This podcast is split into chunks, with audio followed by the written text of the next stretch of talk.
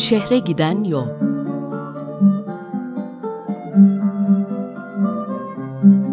Bir İstanbul programı.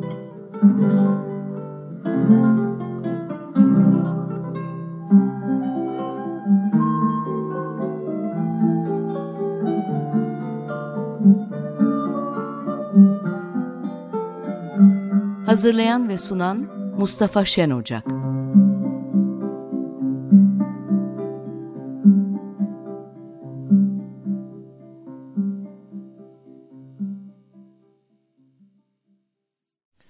Islak bir e, İstanbul sabahından yine günaydın. Değerli Mustafa Güner ile birlikte programımıza devam edeceğiz. Günaydın Mustafa. Günaydın hocam. Evet her zamanki gibi önce biraz Bizans masalından söz ederek giriyoruz. Geçen hafta değerli Justinian'in ölümüyle bitirmiştik. Bugün ondan sonraki imparatorların neler yaptıkları, daha doğrusu başlarına neler geldiği ile ilgilenelim. Bu Justinian'den sonraki dönem Bizans'ın her yönden değişik devletler tarafından saldırıya uğradığı, doğal felaketlerinde sık sık kenti yokladığı ve artık neredeyse çöktüm çökecek diye düşünülen bir dönem. Mesela 582 yılında yine büyük bir zelzele oluyor. Her zelzeleden sonra mutlaka büyük bir yangın oluyor. Sonra da 605 yılında Konstantinopolis ilk dışarıdan kuşatmaya gelen Aliyen grubuyla tanışıyor. Bu da İran'ın Sasanileri Halkedon önüne kadar geliyorlar. Ee, burada kısa bir kuşatma yapıyorlar. Sonra çekip gidiyorlar. Ama bu kuşatma 1453'e kadar sürecek pek çok kuşatmanın da ilk örneği oluyor. Tahtta bulunan İmparator Fokas hem zalimliği hem de yöneticilik açısından yeteneksizliğiyle bayağı ortaya çıkıyor. Onun döneminde kent çok ciddi bir açlık dönemine giriyor. Halkta zaman içinde büyük bir tepki oluşuyor. E, halkın tepkisi yüzünden bugünkü terminolojiyle askeri bir darbe oluyor. Afrika'da seferde olan komutan Heraklius yardıma çağrılıyor. Heraklius 610 yılında gelip Fokas'ı tahttan indiriyor. Yerine kendisi e, imparator oluyor. Öyle bir ekonomik e, kriz var ki bunun yüzünden hazinedeki, kilisedeki tüm altınlara, gümüşlere el konuyor. Hatta Ayasofya'nın şamdanları bile para yapımı için eritilip kullanılıyor.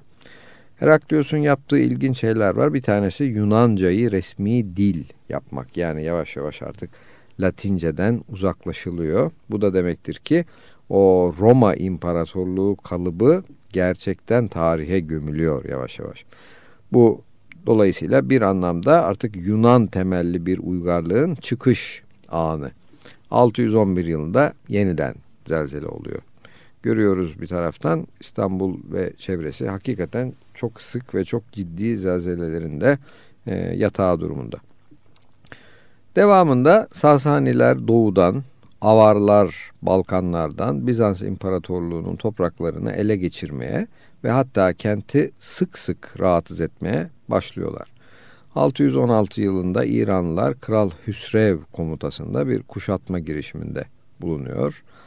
Avarlar önce 619'da kentin çevresini yağmalıyorlar. Çünkü biliyoruz ki surların dışında bir yığın küçüklü büyüklü yerleşme var. 626'da çok kısa sürse de gerçek bir kuşatma gerçekleştiriyorlar. Kenti alamıyorlar ama Valens kemerine giden su sistemini imha ediyorlar. Bizans susuz kalıyor.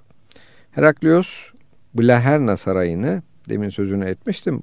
Örneğin Blaherna Sarayı bilinen Theodosius'un yaptırdığı sur sisteminin dışında Heraklius Blaherna Sarayı'nı güven altına almak amacıyla bu yörede Theodosius surlarının dışına bir yeni sur yaptırıyor. Araplar 654'te Muaviye komutasında, 667'de Yezid komutasında, 672'de yine Yezid komutasında görüldüğü gibi bu Yezid çok Yezid bir e, kişiymiş. Kuşatma denemelerinde bulunuyorlar. Dönemin imparatoru 2. Konstans bu sürekli lanet yaşamdan bıkıp İtalya'ya kaçıyor. Demek ki o zaman da ülkeyi terk edip dışarı kaçmak sıkışınca bir e, gelenek haline o zamandan gelmiş. Bu kuşatmalardan birinde Arapların kuşatmalarından birinde Galata ele geçti demeyeceğim. Çünkü Galata'daki e, Venedikliler daha sonra Cenevizler çok uyanık e, kişiler. Hakikaten kent tehlikeye düştüğü anda tehlikeye düşüren kişilerle hemen suç ortaklığı yapıp kendilerine en az zarar gelecek şekilde anlaşmalar yapıyorlar. E, dolayısıyla Araplar bu kuşatmalarında Galata'yı, Sikaya'yı ele geçiriyorlar ve burada günümüzde de Arap Camii olarak adlandırılan camiyi yaptırıyorlar. Bazı sosyal kanunsal haklar da elde ediyorlar Bizans nezdinde. Burada Hz. Muhammed'in bayrakları olan Eyüp el Ensari de kuşatmada ölüyor ve bugünkü Eyüp'e geçen e, haftada söz ettik. Burada o zamanlar bir manastır var. Eyüp'e Eyüp civarına gömülüyor. Arapların bu son seferi 5 sene sürüyor. 672'den 677'ye kadar sürekli bir kuşatma değil. E, Marmara'daki adalardan birinde donanmayı bir ikmal üssünde tutuyorlar. Arada bir gelip e, saldırıyorlar. Bu kuşatmaların ve bundan sonraki kuşatmaların savuşturulmasında Bizans'ın en önemli silahı Rum ateşi. Bu mancınıklarla uzaklara kadar atılan ve suda da yanan, şimdiki düşünüşe göre e, zift bazlı bir e, silah. Bununla hem karadan saldıran orduları hem de denizden saldıran gemileri rahat rahat uzaklaştırma olanakları oluyor. 712'de Bulgarlar Balkanlarda egemenliği ele geçiriyorlar. Onlar da surun önüne gelip yerleşimleri, çiftlikleri yok ediyorlar. Dolayısıyla bu dönemlerde sur dışında çiftlik ya da yerleşim edinmek hiç de tavsiye edilecek bir şey değil. Bir Slav donanması Haliç'e bile giriyor ama yok ediliyor. 714-717 arasında Halife Süleyman'ın kardeşi komutan Mesleme daha önceki kuşatmada olduğu gibi her yaz gelip kuşatma yapıyor. Kenti alamasa da Trakya'ya geçip oradaki topraklarını Bizans İmparatorluğu'nun ele geçiriyor. 717'de donanmaları bu Rum ateşi sayesinde yakılınca bir de üstelik aşırı soğuklar bastırınca Araplar çekip gidiyorlar. E, yaptırdıkları cami de artık Arap tehdidinin tamamen savuşturulduğu düşünülerek. Paul Kilisesi'ne dönüştürülüyor. Daha sonra e, Konstantinopolis alındıktan sonra yeniden camiye dönüştürülecek. Görüldüğü gibi Herakleios'tan sonra Bizans her yönden hızlı bir çöküş ve yok oluş sürecine girmiş gözükmekte. Topraklar yitirilmiş, halk müthiş fakirleşmiş, kent yiyecek ve su açısından büyük yoksunluklara düşmüş. Buna bağlı olarak nüfus da korkunç azalmış. Hatta 2. Anastasios 714 yılında 3 yıllık yiyecek stoğu olmayan hemşehrilerin kentten uzaklaştırılmasını bile planlamış. Anıtlar harap olmuş, pek çok bina gerçek amaç dışında kullanılır hale gelmiş. Çünkü örneğin su yetersizliğinin etkisiyle hamamlar hamamlıktan çıkmış, bunları kışla veya hapishane olarak kullanmaya başlamışlar. Tiyatrolar yıkılmış, hipodrom artık yarış falan yapacak hali kalmadığı için e, halkın tamamen terk edilmiş. Bütün bunlar yetmiyormuş gibi bir de dinsel çekişme dönemi ortaya çıkmış. İkonolar yıkılsın mı, e, yakılsın mı yoksa kabul mü edilsin gibi en yoğun dönemini yaşamış bu aralar Bizans İmparatorluğu ikona yakma ya da yakmama tartışmalarının. Bu imparatorlukta yaşanan büyük kargaşa yönetim düzeyinde hatta imparatorluk yönetim düzeyinde ilginç yansımalar bulmuş. Bizans entrikası olarak günümüzde bile sık sık gündeme gelen idari oyunlar, işte yalancı davranışlarla kamufle edilen komplolar o dönemde en yoğun olarak yaşanmış ve imparatorların saltanat süreleri çok kısa sürmeye başlamış. Bir sene, iki sene. Veya bir şekilde devrilen imparatorlar daha sonra kendileri bir takım entrikalar çevirip yeniden eğer öldürülmediyseler yeniden tahta geçmişler. Bizans tahtındaki bu tür oyunlar sadece bu döneme özgü kalmamış ve yıkılışa dek pek çok örnekte karşımıza çıkmıştır. Yıkılışa dek diyorum ünlem içinde. belki günümüzde bile buna benzer e, örnekler var. Böylece Justinian e, hanedanı 717 yılında sona eriyor. Bundan sonra gelen hanedan İzorya hanedanı. Çünkü ilk e, imparator da İzoryalı 3. Leon. 3. Leon gelince bir e, özel başarılı dönem yaşanıyor. Geçici de olsa Arap akınlarını Anadolu'da durdurmayı başarıyor Leon. Ee, aynı şekilde ikona meselesini de aldığı çok katı bir tavırla durduruyor. Ama Araplar kısa bir süre akınlarını kesiyorlar. Sonra yeniden geliyorlar. 739'da Halife Abdülmelik'in oğlu Süleyman yeni bir kuşatmayla surların önüne geliyor. Bu özellikle olumsuz bir dönem. Çünkü mesela 740'ta bir yıldırım düşüyor. İlginçtir. Bu Cerrahpaşa civarında olduğundan daha önce söz etmiş olduğumuz Arkadius sütununun üstüne. Bu müthiş bir uğursuzluk olarak düşünülüyor. Aynı yıl hakikaten uğursuzluk gerçekleşiyor. Büyük bir zelzele oluyor. Surların büyük bir kısmı yıkılıyor. 747'de yeni bir veba salgını oluyor. Yani öyle bir hale geliyor ki kent artık yaşanmaz bir kent. Ee, nüfusu neredeyse 50 binin altına düşmüş durumda. Düşününüz ki 500-600 yıllarında 600 bin nüfuslu bir kentin nüfusu şimdi 50 binin altına düşmüş halde. Bu aralar yapılan tek olumlu hareket biraz evvel e, Valens kemerine su getiren su yollarının bozulduğunu söylemiştik. Onu yapıyorlar. Bir taraftan Balkanlarda da Bulgarlar güçlenmeye devam ediyor ve 756'dan başlayarak kente saldırıyorlar. Kral Paganos komutanlığında kuşatıyorlar kenti ama alamıyorlar. Onun üzerine e, Bizanslar ille de bir intikam almak eğilimi e, ne giriyorlar. E, ve de Bizans İmparatoru 1. Nikoferos ben gideyim onları yok edeyim diye Bulgarlara saldırıyor. Hatta Bulgarların başkenti o zaman neresiyse gidiyor orayı yok ediyor ama Bulgarlar herhalde bir uyanıklık etmişler. Çoktan boşaltmışlar kendi başkentlerini. Nikoferos bir zafer kazandığını zannedip dönerken bütün orduyu bir dar geçitte sıkıştırıp Bulgarlar yok ediyor. Nikoferos'un kafası kesiliyor kurutuluyor, içi boşaltılıyor, etrafı gümüş kaplanıyor ve e, kralın, Bulgar kralının sofrasında bir içki kadehi olarak kullanılıyor. Hatta öyle ki ondan sonra Bulgarların kazandığı pek çok zaferde özel bir uğur niyetine Nikoferos içki kafası çıkartılıp bundan içki içiliyor. Evet biraz sabah sabah e, tatsız şeylerden bahsettik herhalde. Ancak e, gerçekten o dönem İstanbul ya da Konstantinopolis yaşanmayacak bir kent. Biliyorsunuz e, arada bir dünya çapında yaşanabilecek kentler değerlendirilmesi yapılıyor. Bu değerlendirmenin içine kentin coğrafyası, iklimi, rutubeti, işte nüfus yoğunluğu, e, altyapı sistemleri vesaire vesaire her şey her şey dahil.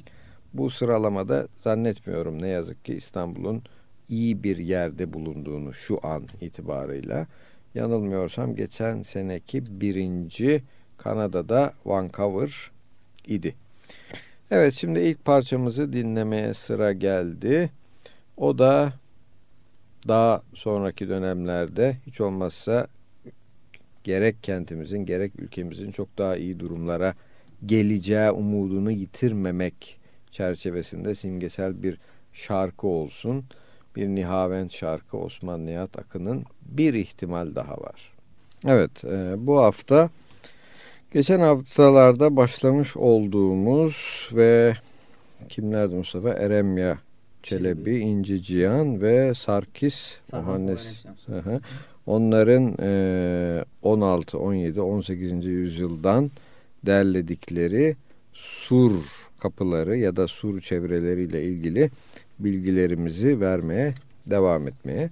Şimdi Mustafa bize Haliç kapıları, surlarıyla ilgili bilgi verecek. Evet Mustafa Hocam. Merhaba sayın dinleyenler. Ee, ilk bölümümüzde biliyorsunuz e, Marmara sahili surlarından bahsetmiştik. Bunları da hatırlatmak istiyorum bir kere daha. E, Narlı Kapı, batıdan doğuya doğru gidiyorum. Samatya Kapısı, Davutpaşa Kapısı, Yeni Kapı, Kum Kapı, Çatladı Kapı ve Ağır Kapı. Bugün Haliç surları üzerindeki 13 kapıdan bahsedeceğiz. İlk kapımız Bahçe Kapısı. Bu kapı önceleri yakında bulunan bir tersane yüzünden Nerion Kapısı ismini almış. Sonraları Oraya ismi verilmiştir. Civarındaki Yahudi mahallesinden dolayı Yahudi Kapısı ve Çıfıt Kapısı da denmiş. Bahçe Kapısı ismini ise sarayın Bahçe Kapısı'na çok yakın olduğu için almıştır. E, Piri Reis'in haritasında Bahçe Kapısı Yeni Cami'nin hemen batısındaydı. E, ve geceleri şehrin kapıları kapandıktan sonra geç kalanlar geceleri kapanmayan bu kapıdan içeri alınarak yerlerine gönderiliyordu. O zamanlar saray odunu yine buraya yığılıyordu ve padişahın sarayında yıkılmak üzere buradan odun taşınıyordu. E, gümrük mallarını kontrol eden gümrük emini ve esirlere sahiplik belgelerini veren pencik emini de bu kapının yakınlarında ikamet ediyordu. E, maalesef bu kapı 1767 depreminde yıkılmış. Bir sonraki kapımız Balık Pazarı Kapısı. Önceleri Peram ya da Piskarya şeklinde adlandırılan bu kapı etrafında pek çok balıkçı dükkanı bulunduğu için bu isimle anılmış.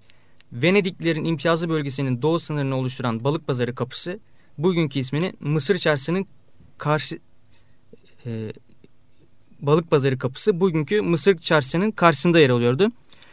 Mısır Çarşısı'nın batı tarafında yine ilginç bir anekdot. E, yüzlerce insan e, kahveyi burada dövüyorlardı ve şehre birçok bir dükkanlara kahve dağıtımı da buradan yapılıyordu. Yine yeni caminin deniz yönünde surun üzerinden avluya açılan bir kapıda gümrük mallarını kontrol eden bir dideban yani bir bekçi de bulunmaktaydı. Bir sonraki kapı zindan kapısı. Günümüzdeki Ai Çelebi Cami yakınında olan bu kapının Bizans dönemindeki ismi Porta Juxta Templum Precursoris. Ee, bir diğer ismi de San Ioannes de Cornubus'tu. Ee, kapının iç kısmında ve sol tarafında sura bitişik ve ayrı bölümleri olan çeşitli milletlerden suçların kapatıldığı bir hapishane vardı. Zindan kapısı ismi de bu hapishaneye nispetle veriliyor. Yine burada ağır suçların hapsedildiği Kanlı Kuyu denilen zindan Baba Cafer denilen ve burada gömülü bir zatın adıyla anılıyor. Zindan kapısı e, diğer adıyla Yemiş Kapısı 1891 yılında yıkılmış. Bir sonraki kapımız Odun Kapısı. Eski İstanbul Ticaret Odası binasının civarındaydı. Bizans devrindeki adı Durungari veya yanında bulunan polis karakoluna izafeten Viglae idi. Kapının eşiğinde yekpare cinsinden aşınmaz bir taş bulunuyordu ki e, hırsızlar ve eşkıyalar burada zamanında çengele vuruluyorlarmış. E, yine Abaza Paşa'nın iki casusundan birinde Sultan 4. Murat'ın emriyle burada asılmış. Bu kapının yukarısında Yeniçeri Ağası'nın denize nazır konağı bulunuyordu. Bu yüzden kapıya Ağ Kapısı ismi de verilmiş. Konağın avlusunda her tarafa nazır dört köşe ve ahşap bir oda vardı. E, yangın köşkü denilen bu odada gözcüler nöbetleşe dururlar ve herhangi bir yerde yangın görüldüğü takdirde Yeniçeri Ağası'na haber verirlerdi. Yani bir çeşit yangın kulesi olarak da kullanılıyor. Bir sonraki kapımız Ayazma Kapısı, diğer adıyla Porta Agisma. Kapının ne zamandan beri mevcut olduğu konusunda ihtilaflar olsa da bu kapı Piri haritasında yer aldığı için 16. yüzyılın ilk yarısında var olduğu ve fetihten sonra açıldığı zannediliyor. Ayazma ismini muhtemelen eski birden bir ayazma olan bir su kaynağından aldığı sanılmakta. Diğer kapımız Un Kapanı Kapısı. Atatürk Köprüsü ile Un Kapanı semtinin birleştiği civarda bulunan kapının Piri Reis'in haritasındaki ismi Babı Kapan, eski ismi Porta Plata. E, bu kapıya vaktiyle kapının üstünde bulunan horoz şeklindeki bir resimden ötürü Horozlu Kapı ismi de verilmiş. Burada bulunan ve içine çok fazla miktarda un depolayabilen büyük ve taştan bir un mağazası bulunuyordu ki bu nedenle bu mevkiye de un kapının adı verilmiştir. Bir sonraki kapımız Cibali Kapısı. Kapının adına hiçbir Bizans tarihinin eserinde rastlanmasa da sonradan kapıya mal edilen isimlerden bazılarını söylemek istiyorum. E, Porta Ispigas, Porta Yubalika ve Porto del Pozzo. Piri haritasında bu kapının ismi Cebe Ali Kapısı olarak geçiyor. E, kapının bulunduğu sahile yani şu anki eski tekel fabrikasının civarına pek çok insanın gezmeye ve istirahat etmeye geldiğini de Erem ve ekliyor. Yani bir çeşit mesire yeri olarak da kullanılmış. Bir diğer kapımız Aya Kapı. İsmini yakınında bulunan Aya Teodosya Kilisesi'nden almış e, ve günümüzde Fatih Küçük Mustafa Paşa semtindeki Gül Cami. Bu Aya Teodosya Kilisesi. Bir sonraki kapımız Yeni Kapı. Yeni Aya Kapı ve Yeni Cibali Kapısı diye de adlandırılan Yeni Kapı fetihten sonra açılmış bir Osmanlı kapısıdır. Ki Yeni Kapı isminin verilmesinin sebepleri de, sebebi de budur. Ee, Marmara sahilinde aynı adı taşıyan kapıdan ayırt etmek için içeri Yeni Kapı denmektedir. Yeni Kapı Sultan Selim Camii'ne giden yolun kapısıydı ki e, kapı da Sultan Selim Camii de Kanuni Sultan Süleyman zamanında yapılmıştır. E, bilhassa Efendi denilen Türk uleması sandalla deniz gezintisi yapmak istedikleri zaman buraya inerlermiş. Bir sonraki kapımız Petri Kapısı. Kapının bulunduğu yer olan Abdi Subaşı semti Bizans devrinde Petrion olarak anıldığından Petri Kapısı denmiş. Bu isim fetihten sonra aynen muhafaza edilmiştir. Petri Kapısı civarı Bizans zamanında şiddetli muharebelere sahne olmuştur. 1204 yılında Haçlılar İstanbul'u bu noktadan işgal etmişler ve Latin İmparatorluğunu kurmuşlardır. İstanbul'un fethi esnasında Fatih'in Haliç'e indirdiği donanma da surun bu kısmına hücum etmiş. Günümüzde yıkılmış olan bu kapı Haçlı seferleri tarihinde Porta Sidera ismiyle de anılmış. Petri kapısından sonraki kapımız Fener kapısı. Kapının yanında bulunan mahalle Bizans devrinde Fanari adını taşıdığı için eski ismi Porta Fenari'ydi. Fener kapısı yakınlarında tarihte Fener Beyleri adıyla geçen Divanı Hümayun mütercimleri ve ve Eflak ve Boğdan beyliklerinde bulunan Rum asilzadelerine ait konaklar bulunuyormuş. Osmanlı zamanında çevresinde Rumların yaşadığı bu kapı günümüzde maalesef mevcut değil. Ee, mevcut olsaydı da Fener semtinde bulunacaktı. Bir diğer kapımız Balat Kapısı. Eski adı Kinegos Kapısı yani Avcı Kapısı'ydı. E, Hamer'e göre bu kapı Bazilike ve Blekarna Sarayı'nın kapısıydı. Bu nedenden olsa gerek kapının eski adlarından biri de Porta Bazilika. Eren Çelebi e, ki 17. yüzyılda yaşamıştır. Buradaki Yahudi nüfusunun şehrin diğer semtlerindeki Yahudi nüfusundan daha fazla olduğu kaydını düşmüş. Taşınan Galata Köprüsü'nün Fatih semti tarafında bulunuyordu bu kapı. Bir diğer kapımız Ayvansaray Kapısı. Kapının eski adı İnciciyan'a göre Aymamas Kilisesi'ne izafeten Aymam Saray Kapısı'ydı. Diğer ismi Porta Kiliomene idi. İmparatorlar denizden Blekarna saraylarına ve Theotokos kiliselerine geldiği zaman e, bu kapıdan geçiyorlarmış. Haliç'teki Ayvansaray iskelesinin yakınlarında olan bu kapıda günümüze ulaşamamıştır. E, bu haftalık bu kadar bir diğer bölümde kara surlarına geçeceğiz. Bir, bir kara surlarımız kaldı galiba evet. zaten. Bu Cibali kapısının e, Osmanlı döneminde açılması sanki fethi esnasında Cebe Ali Bey komutasında bir grubun o kapıdan girmiş olduğuna da izafe edilmektedir kapının adı. Ee, sen söyledin e, Eminönü civarında gümrük eminliği de var. Evet. Ee, Eminönü Hı. lafı da zaten oradan yani gümrük eminin oturduğu yerin ön tarafı gibisinden e, ilginçtir. Demek ki ilk kahve meseleleri de Eminönü Mısır Çarşısı civarında ortaya çıkmış. Hala da sürüyor demek ki kim bilir kaç e, asırdan beri. Evet ikinci parçamızı geçen hafta yiten ve e, İstanbul'a belli bir afinitesi, düşkünlüğü olan e, Gilbert Beko'dan seçtik. Parçanın adı çok bilinen bir parça değil. Oroy var yani görüşmek üzere. İlginçtir. Parça Adieu l'ami, elveda dost diye başlıyor. Evet Gilbert Beko. Evet görüşmek üzere Beko. Bu haftaki semt köşemizi Yıldız Demiriz hanımefendinin Cadde Bostan Anıları adlı kitabından dinleyeceğiz. Yıldız Demiriz Cadde Bostan Anıları İstanbul 1997 tahmin ediyorum. Evet özel bir basım. Cadde Bostan böylece Asya tarafına da geçmiş oluyoruz yeniden. Ee, Yıldız Hanım önce Cadde Bostan neresi diye başlamış kitabına ki nereden bahsettiğimizi bilelim. Efendim Caddebostan'ın kuzeyde Bağdat Caddesi, güneyde Marmara Denizi ile doğal sınırı var. Mahallenin kuzey sınırı yer yer Bağdat Caddesi'ni aşıyor. Kadıköy yönündeki sınır benim için çifte havuzlar köşesi. Yani hazır cevap bugünkü adıyla Hasan Ali Yücel Sokağı. Doğu sınır ise iskele. Buraya bir ünlem işareti konmuş iskele kalmadığı için. Yolunun biraz ötesi. Yıldız Hanım'ın anlattıkları 1930'larla 80-90'lar arasındaki süreci yansıtıyor. İlk bölümünün adı Şehre inmek, yazlığa çıkmak. İsterseniz işe Caddebostan'a gidiş ve gelişlerle başlayalım. İstanbul'un eskileri için şehir ya da İstanbul tarihi yarımadayla sınırlıydı.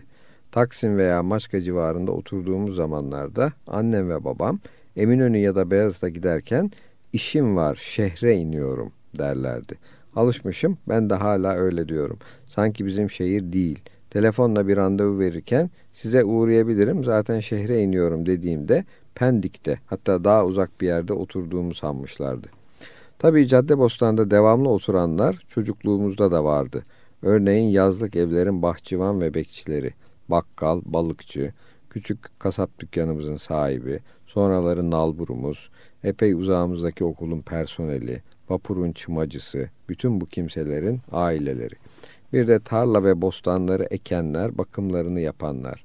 Yakındaki okulun öğretmeni filan da belki buralarda bir yerlerde oturuyordu. Ayrıca Ermeni terzimiz, terzimiz Bercuhi ile Rum komşumuz Kiça ve adını hatırlayamadığım ablası gibi bu toprakların eskileri. Ama yazın bu nüfus kim bilir kaçla çarpılırdı.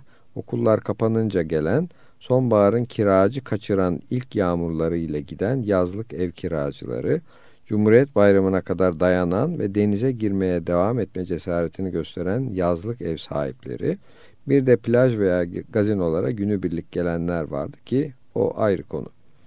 Kadıköy'den Kızıl Toprağa kadar olan Anadolu yakası yerleşimlerinin daha şehirleşmiş olmasına karşılık Kalamış'tan doğuya doğru yazlık bölgesi başlardı.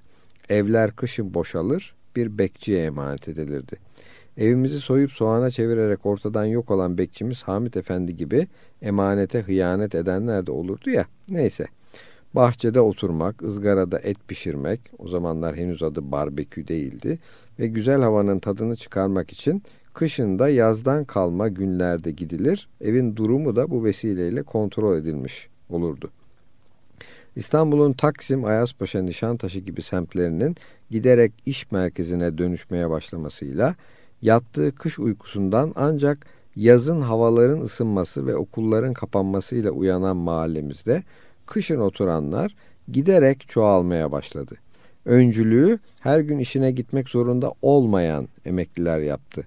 Zira o zamanlar emekli ikramiyesiyle mülklerin pek pahalı olmadığı semtimizde yeni yeni türeyen 3-4 katlı apartman yavrularından bir daire almak mümkündü. Gidiş gelişin kolaylaşmasıyla ve 1973'te açılan Boğaz Köprüsü'ne güvenerek kışı mahallemizde geçirenler hızla çoğaldı. İkinci bölüm denizden ulaşım, yandan çarklıdan katamarana bölümü. Oradan da gerçekten anıları depreştirecek bölümler aktaracağım. 1930'lu yılların sonları. Sabah erkenden Büyükada'dan kalkıp Maltepe, Bostancı ve Suadiye'ye uğradıktan sonra Cadde Bostan'a gelen ve oradan da Kalamış ve Moda iskelelerinin ihmal etmeden uzun yolculuğunu Karaköy'de noktalayan yandan çarklıyı anımsıyorum. Yine aynı yoldan akşamüstü geri dönüşlerin 1940'lı yılların içlerine kadar Cadde Bostan'da oturanların yaşamında hafızalardan silinmesi imkansız önemli bir yeri vardır. Vapur tarifesi insanları işlerine götürüp getirmeye göre ayarlanmıştı.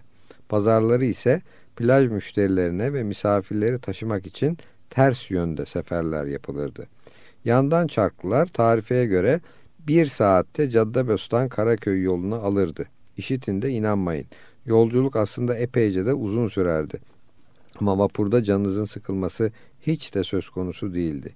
Yandan Çarklı'ya zaten şehre daha çabuk varmak için binilmezdi ki bir zahmet Kadıköy'e tramvayla 5 dakikada varıp vapurla karşıya geçerseniz çok daha hızlı bir yol seçmiş olurdunuz. Ama vapur çok daha eğlenceliydi. Canınız hiç sıkılmazdı. Herkes birbirini tanır, Gruplar bir kabul günündeki gibi sohbete dalardı. Hele Suadiyeli ahbabınız da oradaysa sohbet öyle koyulaşırdı ki Karaköy'e nasıl vardığınızı bilemezdiniz. Vapurlar hiç değilse biz çocuklar için Nuh peygamber zamanından kalma Neveser, Bağdat ve Basra adlı yandan çarklı teknelerdi. Bugün bile Mark Twain'in Tom Sawyer'ı Mississippi'de geçen başka hikayeler veya Showboat filminin Mississippi'yi anlatan Old Man River adlı ünlü şarkısı bana bu tekneleri hatırlatır. Bunlardan Basra ve Neveser 1940'ta araba vapuru haline getirilmişti. Ama henüz feribot olmamışlardı ve sadece otomobil vapuru değillerdi. Sanki araba vapuru adını doğrulamak ister gibi bu tekneyle daha çok at arabaları karşı yakaya geçerdi. Bizim yazlıktan kışlığa taşındığımız zamanki gibi. Zira nedense her yıl yazlık ve kışlık eve taşıdığımız piyanonun at arabasında kamyon sırtındakinden daha az sarsıldığına inanılırdı. Araba vapuru da başka bir alemdi. Haydarpaşa'dan Üsküdar'a gitmek için bariyerli bir demir yolu geçidini aşmak gerekirdi. Bazen o kadar uzun zaman beklenirdi ki araba vapurunu kaçırabilirdiniz. Araba az olduğu için vapur da tarifeli olarak günün belli saatlerinde kalkardı. Ama her şey çok samimiydi. Geç kaldığımızda bizi tanıyıp da tekneye almak için geri dönen kaptanı unutabilir miyim hiç?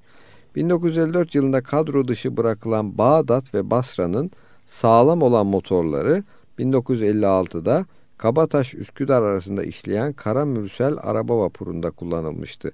Anlaşılan bu kalp naklinde iki kalp gerekmişti. Zira ancak ikisinin gücü bir vapuru idare edebiliyordu. Evet. Devam edersek çifte havuzlar mahallemizin hala kullanılan yer adlarından. Ama bu adın nereden geldiğini bilenimiz pek az olsa gerek. Hazır cevap şimdi Hasan Ali Yücel Sokağı'nın Çifte Havuzlar Caddesi'ne kavuştuğu köşede bir köşkün bahçesinde alt alta iki set halinde büyükçe havuzlar vardı. İşte bu ikiz havuzdan dolayı buraya çifte havuzlar denirdi. Cadde de adını buradan almıştı. Burada galiba bir de günah çıkarmam gerekecek. Semt ve mahalle adlarıyla yakından ilgilenen hocam Doktor Semavi Eyice benden o havuzların resmimi çekmemi istemişti. Yerine inşaat yapılacakmış. Benim işi ağırdan almam bugün elimizde bu havuzların resmi olmaması sonucunu doğurdu. Çifte havuzlar diye bugün bir otobüs durağı bile var ama yeri yanlış. Bir önceki durağın adının böyle olması gerekirdi. Onun adı ise Cemil Topuzlu Durağı. Cemil Topuzlu Köşkü dolayısıyla. Caddebostan adı ise bilen var mı acaba? Bazılarına göre adı aslında Cadı Bostanı imiş. Ama 60 yıldır bu adın kullanıldığına ben şahit değilim. Cadde üzerinde bir bostanın benim çocukluğumda bile sahiden bulunduğunu bilen kaç kişi kaldı? İskele yolu ile bugünkü O Gün Sokak ve Cemil Topuzlu Caddesi arasında kalan bölgede bir bostan vardı. Kuyusundan dolap beygirlerinin dönerek su çektiği, her tür taze sebze ve kavun karpuz gibi bostan ürününün yetiştiği bostanı benim kadar iyi bilen pek az kaldı sanırım. Hazır Cevap Sokağı Bağdat Caddesi'nden deniz yönüne Cemil Topuzlu Köşkü'nün karşısına inen yol. Tipik bir Türk İstanbul sokak ismi. Neden beğenmediler bilmem ama şimdiki adı Hasan Ali Yücel Sokağı oldu. Galiba hazır cevaplık günümüzde pek makbul bir özellik değil. Hasan Ali Yücel gençliğimin marif vekili yani Milli Eğitim Bakanı ve çok da takdire şayan bir insan. Adının bir sokağa verilmesi de çok doğal ama niye yeni açılan bir yola değil de güzelim adı olan bir sokağa verirler? Hazır cevap vatandaşımızın kim olduğunu bilemem ama hatırasını hiç değilse bu satırlarla anmak ve hazır cevaplığını övmek isterim. Gerçekten bazı yerlerde artık isimleriyle müsemma yani uygun değil. Şaşkın bakkal. Herhalde bomboş bir yerde bakkal dükkanı açmak şaşkınlığını gösteren bir vatandaş dolayısıyla Bağdat Caddesi'nin Suadiye'ye yakın kesimine verilen isim. Ama şimdilerde bölgemizin en işlek alışveriş ve piyasa yerlerinden. Tabii şimdi de burada bakkal dükkanı açmak şaşkınlık olarak karşılanabilir. Evet. bugün üçüncü parçamızı aynı zamanda Noel münasebetiyle seçtim. Schubert'ten Evet, e, Noel'i biraz öksürükle karşıladık Ave Maria'da. E, o yüzden özür diliyorum. Bugünlerde doğal gaza yapılan olağanüstü zamla ilgili haberler okuyoruz gazetelerde. Hatta doğalgaz kendi KDV oranları açısından bir özel tüketim, lüks tüketim metağı olarak geçiyor. Doğalgaz alt tarafı 5-6 senelik ya da işte 10 senelik bir lüks tüketim. Lüksten sonra tabii ünlem var. Bundan önce bir kısmımız belli yaşın e, altındakiler sanki hep LPG ile sıvı e, petrol gazıyla ısındığımızı ya da e, mutfaklarımızda kullandığımızı düşünebilir. Değil. Belli yaşın üzerindekiler bir zamanlar bu şehrin hava gazına sahip olduğunu hatırlayacaklar. Şimdi çok çok kısaca bu İstanbul'daki hava gazının serüvenine değinmek istiyorum. Bu hava gazı önce hatta 1813'te Londra'da başlamak üzere Avrupa'daki şehirlerin sokak aydınlatılmasında kullanılmaya başlanmış. Ee, o döneme ait bazı konusu o döneme ait bazı filmlerde belki görmüşsünüzdür. Akşam güneş batımına yakın elinde uzun ucu yanık sopa bulunan bir görevli sokak lambalarının gaz vanalarını açıp onları yakarak dolaşırdı Londra'da. İstanbul'da da bu tür bir e, etkinlik, bu tür bir lüks, bu tür bir özellik bulunması fikri ancak Dolmabahçe Sarayı yapıldıktan sonra ortaya çıkmış. Yine halkın çok fazla düşünüldüğü yok. Bu tür bir aydınlatmadan saray yararlansın istenmiş. Ee, bu bağlamda da Dolmabahçe Sarayı'nın arka tarafında yani şimdi e, Mithat Paşa ya da İnönü stadının arkasında hala kalıntısı var olan gazhane yapılmış. Burada üretilen gaz Dolmabahçe Sarayı'na fazla geldiği için 1853'ten sonra fazla gelen gazı İstanbul şehrinin ana bir takım caddelerini ışıtmada da aydınlatmada da kullanalım diye düşünülmüş ve bu gazhanenin işletilmesi İstanbul şehir emanetine yani belediyeye devredilerek Galata, Beyoğlu, Beşiktaş ve Rumeli yakası semtlerinin önce cadde ve sokakları aydınlatılmaya başlanmış. Sonra bu iş hoşa gittiği için aynı zamanda hava gazı mutfaklardaki ocaklarda da kullanılabilme hassasına sahip olduğu için evlere kadar da e, götürülmüş. Yeterli olma durumundan çıktığından dolayı da Dolmabahçe'deki gazhane büyütülmüş. Böylece işte 1853 yılında İstanbul hava gazı ile e, padişahın gereksinimleri yüzü suyu hürmetine tanışmış oluyor. Tabi demin de değindiğimiz gibi giderek büyüyen bir şehre sadece Dolmabahçe'deki gazhane, gazhanenin yetmesi söz konusu bile değil. Onun için bir tane daha yapalım denmiş. Diğerinin yapımının nedeni de bu sefer karşı taraftaki Beylerbeyi Sarayı'nı ışıklandırmak. Bu sarayı ışıklandırmak amacıyla da Kuzguncuk'ta bir gazhane yapılmış. Bu gazhaneden Beylerbeyi Sarayı'na gaz vermek için yapılan bu gazhaneden şu anda hiçbir kalıntı yok. Daha sonra Kadıköy'ü, Haydarpaşa'yı, Üsküdar ve Boğaz'ın Anadolu yakasını da hava gazına kavuşturma amacıyla günümüzün e, Hasanpaşa mahallesinde büyük bir gazhane kurulmuş. Bu gazhaneden tahmin ediyorum e, ufak tefek bir takım e, şeyler kalmış halde. Diğer taraftan Avrupa tarafındaki gelişim çok daha yoğun olduğu için ve ta Dolmabahçe'den gerçek İstanbul'a, sur içi İstanbul'a doğru gaz hattı çekmek zor olduğu için dördüncü e, gazhane Yedi Kule'de 1880 yılında yapılmış. e, o gazhane henüz e, her ne kadar sefil haldeyse de duruyor. Üzülerek şunu görüyorum böyle bir gazhane gerek Dolmabahçe'deki gerek Yedikule'deki her halde e, çok daha özel düşünceli ellerde birer müze, birer kültür merkezi olarak hakikaten çok daha verimli, çok daha özel olabilirdi. Hatta geçenlerde bu konuda konuştuğum bir yabancı dostum bu tür yerlere dışarıdan özel turist grupları bile getirilebileceğinden söz etmişti ama tahmin ediyorum artık bizimkilerin o düzeye gelmesi için çok geç.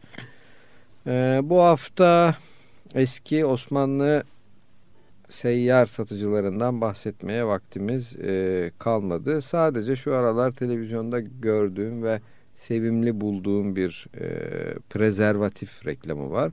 Burada akşam vakti bir seyyar satıcı çıkıyor. O seyyar satıcı satış saati ve taşıdığı avadanlık çerçevesinde bir çelişki gösteriyorsa da saat ve bağırış açısından sanki bozacı gibi ama taşıdığı avadanlık açısından bir yoğurtçu gibi gerçekten e, sevimli. Tahmin ediyorum e, bu yoğurtçuları hatır, hatırlayanlar artık e, zamanında belki prezervatif kullanmamıştır ya da şimdi prezervatife bir uçan balon hatırası gibi bakmaktadırlar. Gelecek hafta bu yoğurtçulardan söz edeceğiz. Programımızı bitirirken telefonu tekrar ediyoruz. 296 23 89 e-mail adresimiz acikradyo.com.tr'dir. Benimki de musukrus.yahoo.com'dur. Gelecek hafta görüşene kadar hepinize olağanüstü sağlıklı ve keyifli günler diliyorum. Son parçamızı Bal Ahmet'ten seçtik. Aleko Bacanos'un Gel Ey Deniz'in Nazlı Kızı.